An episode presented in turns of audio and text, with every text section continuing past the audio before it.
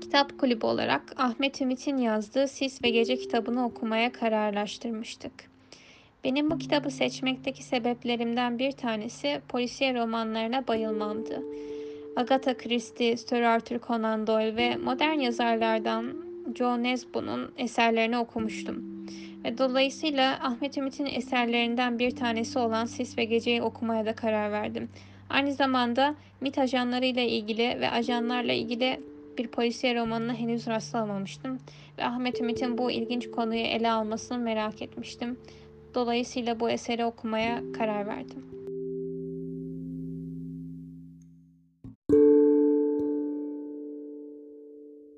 Merhaba, ben Muhlis. Ee, öncelikle e, gergin ve bilmez bir atmosferde başlıyor olması kitabı ismine layık hale getiriyor. Çünkü kitabın polisi olmasının yanı sıra sürekli bilinmeyenler ile çevrili bir olay örgüsü var. Kitapta sürekli cinayet, işgal, terörizm gibi olaylar yaşanmakta. Gerilim ve heyecan yüksek olduğu için kendimi ilk sayfayı çevirmem kitabın içindeki bir dünyada buldum zaten. Kitabı seçme nedenim e, daha öncesinde hiç bu kadar gergin, paranoyak bir kitap okumamış olmamdı. Ve okuduğum özetlerde de çoğunlukla böyle bir kitap olduğu hissini veriyordu. Ee, ve kitap beklentimi yeterince karşıladı. Yani kitabı okurken terledim bile hissettim. Arkadaşlarımın aksine ben daha önce hiçbir polisiye kitabı okumamıştım.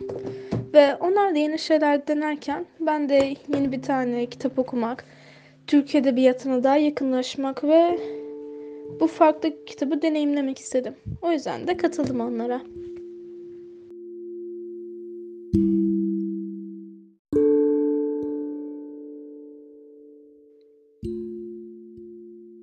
Kitap ilk cümleden beni içine çekemedi maalesef. İlk cümlesi de buraya nereden, nasıl geldim bilmiyorum. Sonrasında da önünde durduğu köşkü betimleyerek devam ediyor anlatıcı.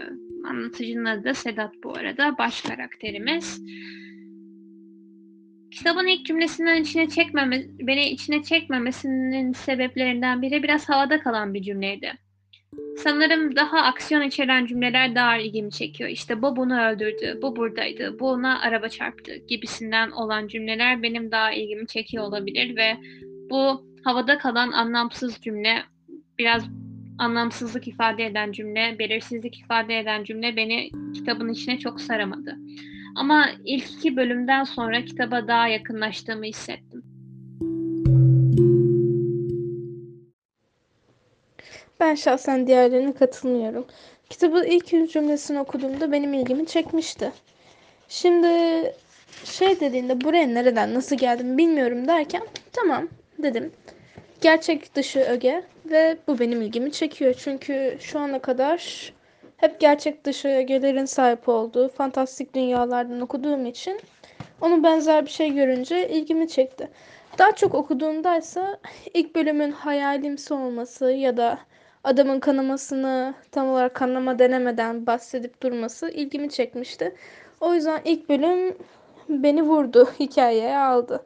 Tabi ondan sonraki ilerlemelerde şeyin hayali ögelerin kaybolması birazcık şey beni kitaptan soğuklaştırmıştı ama en azından ilk içine girdiğim için geri kalanı daha kolay gitti. Kitapla ilgili en çok neyi sevdim ve sevmedim sorusuna gelirsek, kitapla ilgili ilgili en çok sevdiğimden başlarsak, kitapla ilgili en çok sevdiğim Sedat'ın mesleğinin, Sedat'ın görevini nasıl etkiledi ve bundan bahsetmek istediğimde şundan kastediyorum. Sedat MIT'te çalışan gizli bir ajan olduğu için kendi kimliğini ortaya vermeden bir sürü yere gidip kendini başka bir kimlikle tan- tanıtabiliyor. Ve bu sayede görevini yerine getirmekte daha kolaylıklar sağlıyor. Örnek olarak Mine kayboluyor. Mine kaybolduktan sonra bir operasyonda Sedat Fahri'yi vuruyor ve Fahri ölüyor.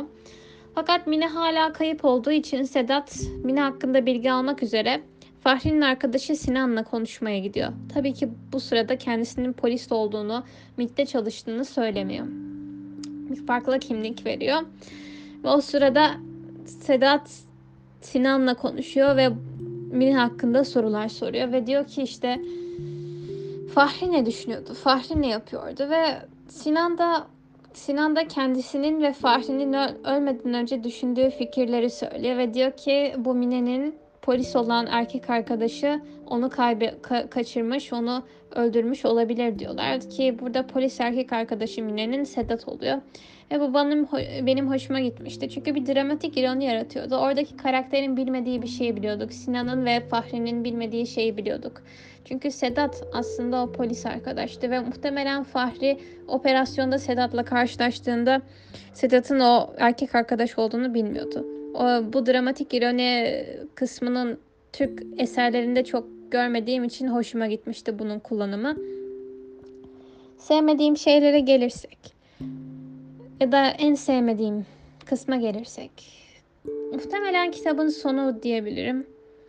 Çünkü kitabın sonunda evet Mine'nin nerede olduğu hakkında bir cevap elde ediyoruz. Mine'nin ne olduğu hakkında bir cevap elde ediyoruz. Niye öldüğü hakkında bir cevap elde ediyoruz ama anlamadığımız şey ise Mine'nin ölümünün bu kadar basite indirgenmesi olmuştu. Burada demek istediğim şey ise Mine'nin yaşadığı apartmandaki kiracının kızı, zeka özürlü olan kız Maria'nın bir şekilde 3 yaşındayken babasının tavşan avladığı kısmı hatırlayıp yerde yatan Mine'yi direkt buzluğa götürüp bir anda orada onu ölü bulmak bana kitabın o kadar böyle yarattığı gerginlik, heyecana biraz boş bir cevapla kitabı bitirmek gibi oldu. Sanki kitap bitsin diye bitirmiş gibi hissettim Ahmet Ümit. Yani ona bir saygısızlık etmek istemiyorum ama kitabın yarattığı onca gerginlik, onca aksiyon, onca sorular, sorgulamalar ve Sedat'ın neredeyse aklını kaybetmesi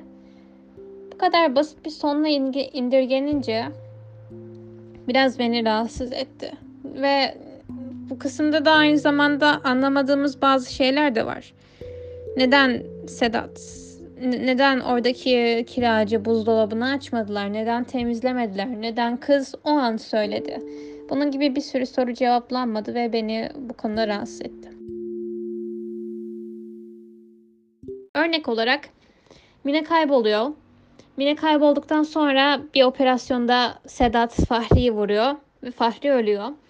Fakat Mine hala kayıp olduğu için Sedat Mine hakkında bilgi almak üzere Fahri'nin arkadaşı Sinan'la konuşmaya gidiyor. Tabii ki bu sırada kendisinin polis olduğunu, MİT'te çalıştığını söylemiyor. Bir farklı kimlik veriyor.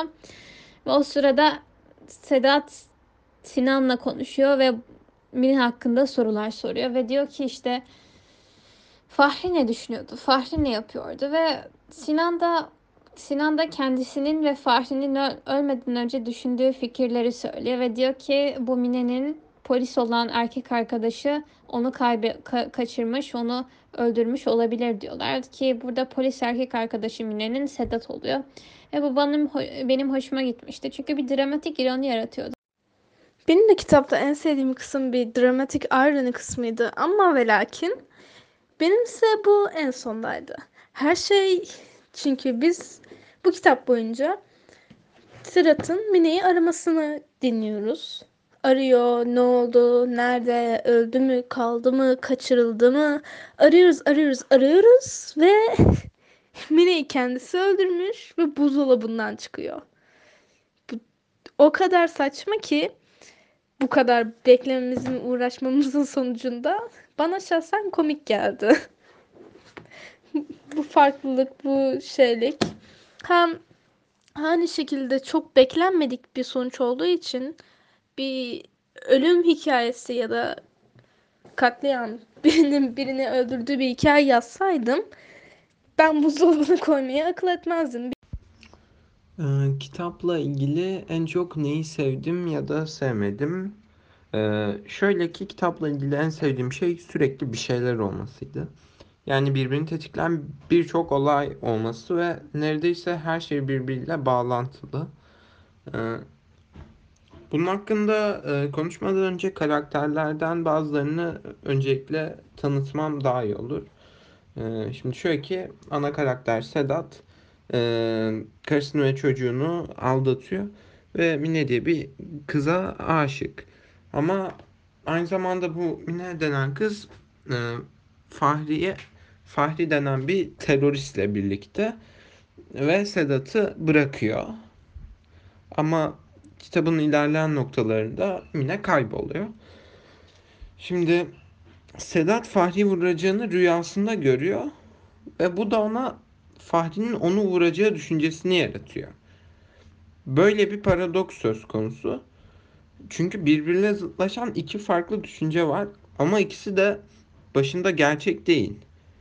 Yani ne Sedat Fahri'yi vuruyor ne Fahri Sedat'ı vuruyor.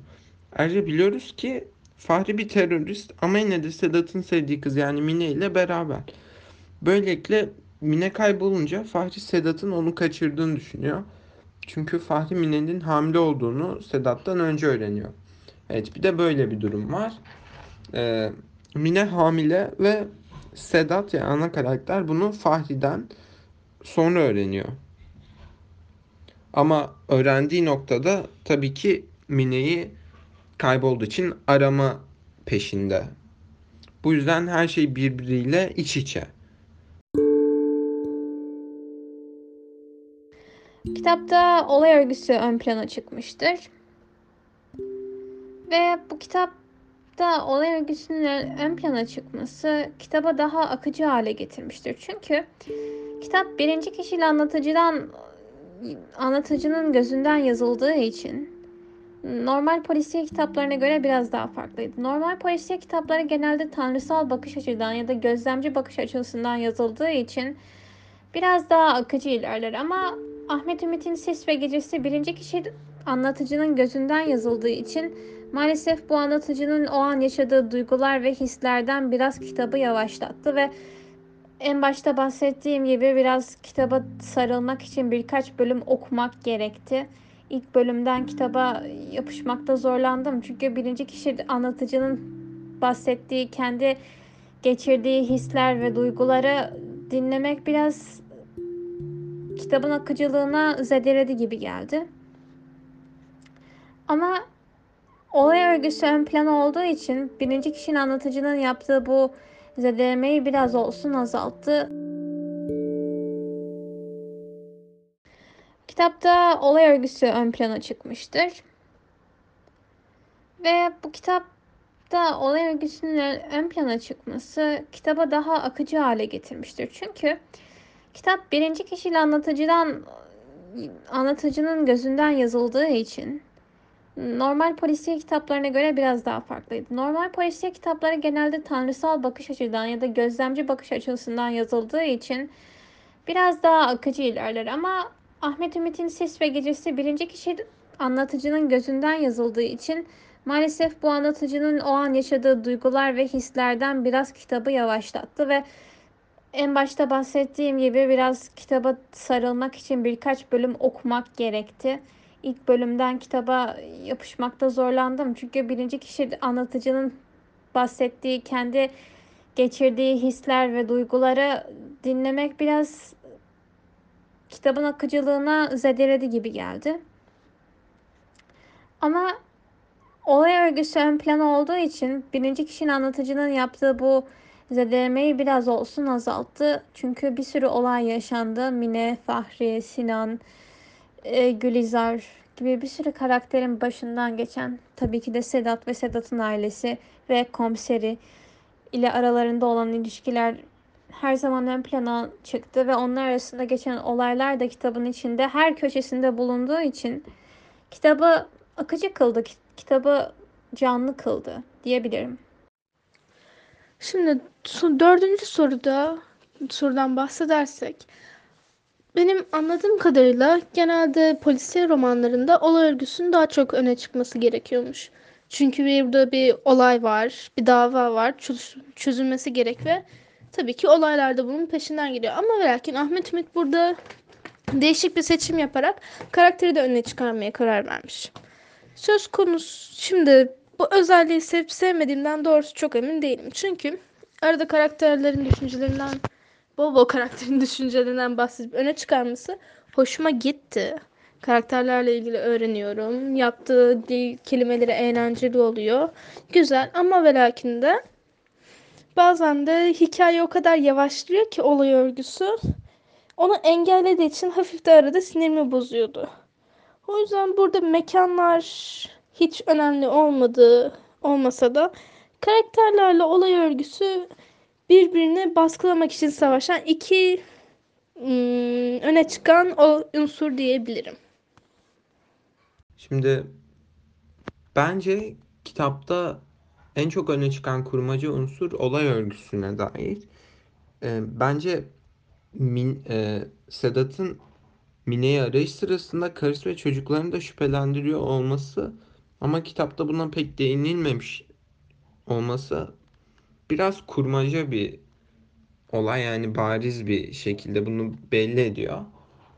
Ve öne çıkıyordu bu yüzden. Çünkü onca şey yapmasına rağmen işte gergin bir e, ruh haline sahip olması, işte Mine'nin kayıp olmasından dolayı sürekli birilerini araması, birileriyle görüşmesi ama ailesinin bunu fark etmiyor olması ya da fark ediyor olması ama e, anlatıcının bunu e, okura belli etmemesi bence e, öne çıkan bir e, unsurdu.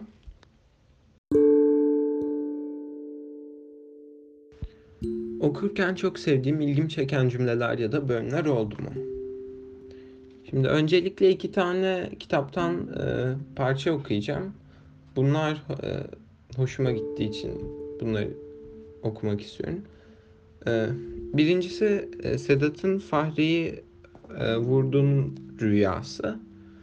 E, bu rüyanın ardından Sedat e, Fahri'nin onu vuracağı düşüncesini e, düşüncesine inanmaya başlıyor. Bu nedenle Fahri'yi e, vuruyor. Ama böylelikle Mine'nin nerede olduğunu bulması da zorlaşıyor. Çünkü e, Fahri'yi vurduktan önce kayboluyor Mine ve Sedat bunu Fahri vurduktan sonra fark ediyor. Ve bu da Mine'yi arayışını zorlaştırıyor haliyle. Evet ben rüyasını okuyacağım şimdi. E, usulca frene basıyorum.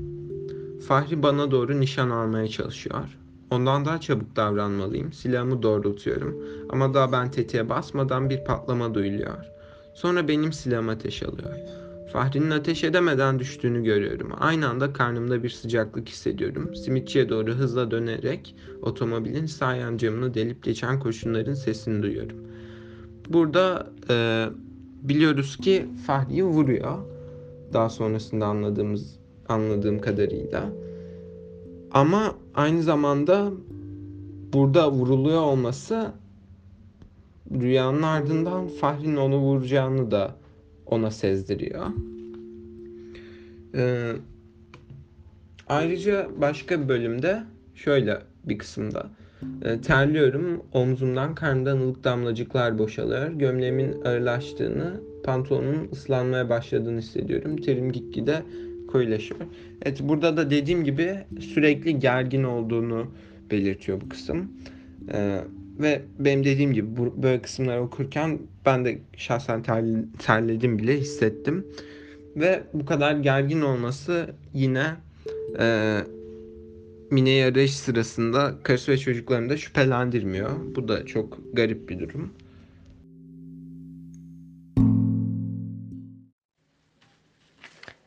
Önce bahsettiğim gibi okurken en çok sevdiğim bölüm son bölümdü.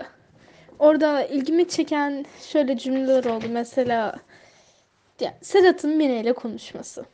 Demek burada saklanıyordun demesi. Sanki yeni bulduğu bir saklambaç oynayan bir çocuğu bulmuş gibi. Ondan sonra meraktan öldük. Çok korkuttun bizi. Bunun yanında Maria'nın da şşş uyuyor demesi o kadar farklı geldi ki çok hoşuma gitti. Genelde sağlıklı bir insanın diyeceği sözler olmaması aklının tam olarak yerinde olmayan bir karakterin nasıl davranacağı ile ilgili bana ayrıca fikir verdiği için bunu görmek, okumak gayet ilgimi çekti. Onun dışında da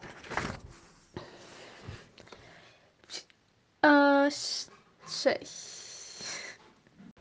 Okurken hoşuma giden cümlelerden birinden bahsetmek gerekirse sayfa 134'teki bir cümleden bahsetmem gerekir. Sayfa 134'te e, ilk paragrafın ortalarında şöyle geçiyor. Bizim için durum farklıdır. İstihbaratçılar kendi oyunlarını kendileri kurarlar. Şimdilik bu cümle genelde kitabın herhangi bir temasıyla veya ilişkilerle alakalı değil. sanırım kitapla alakalı olmayan cümlelerden veya kitabın olay örgüsüne etki eden ama kitapların karakterlerin arasındaki ilişkilerine etki etmeyen cümlelerden bir tanesi. Ama ona göre seçmedim. Bu cümleyi seçme amacım kitapta genel yani kitap boyunca Sedat'ın hep düşük bir hissiyatı var. Hep depresif bir anlatım tarzı var. Hep bir anksiyete içinde, hep bir telaş içinde bir anlatım tarzı var ve bu cümlede Sedat'tan biraz gurur sezdim ve bu hoşuma gitti. Çünkü kitap boyunca kendisini hep bir panik durumunda, hep bir mutsuzluk durumunda bulan Sedat'ın bu cümleden kendini ortaya koyması, kendi pozisyonundan gurur duyması, kendi işinden gurur duyması, hoşuna gitmesi ve aynı zamanda kendisinin komiser Naci ile karşılaştırıp daha üstün bulması hem gururunu hem de kibirini gösteriyor. Kitap boyunca Mine hakkındaki olan telaşından dolayı genelde kibrini göremiyoruz.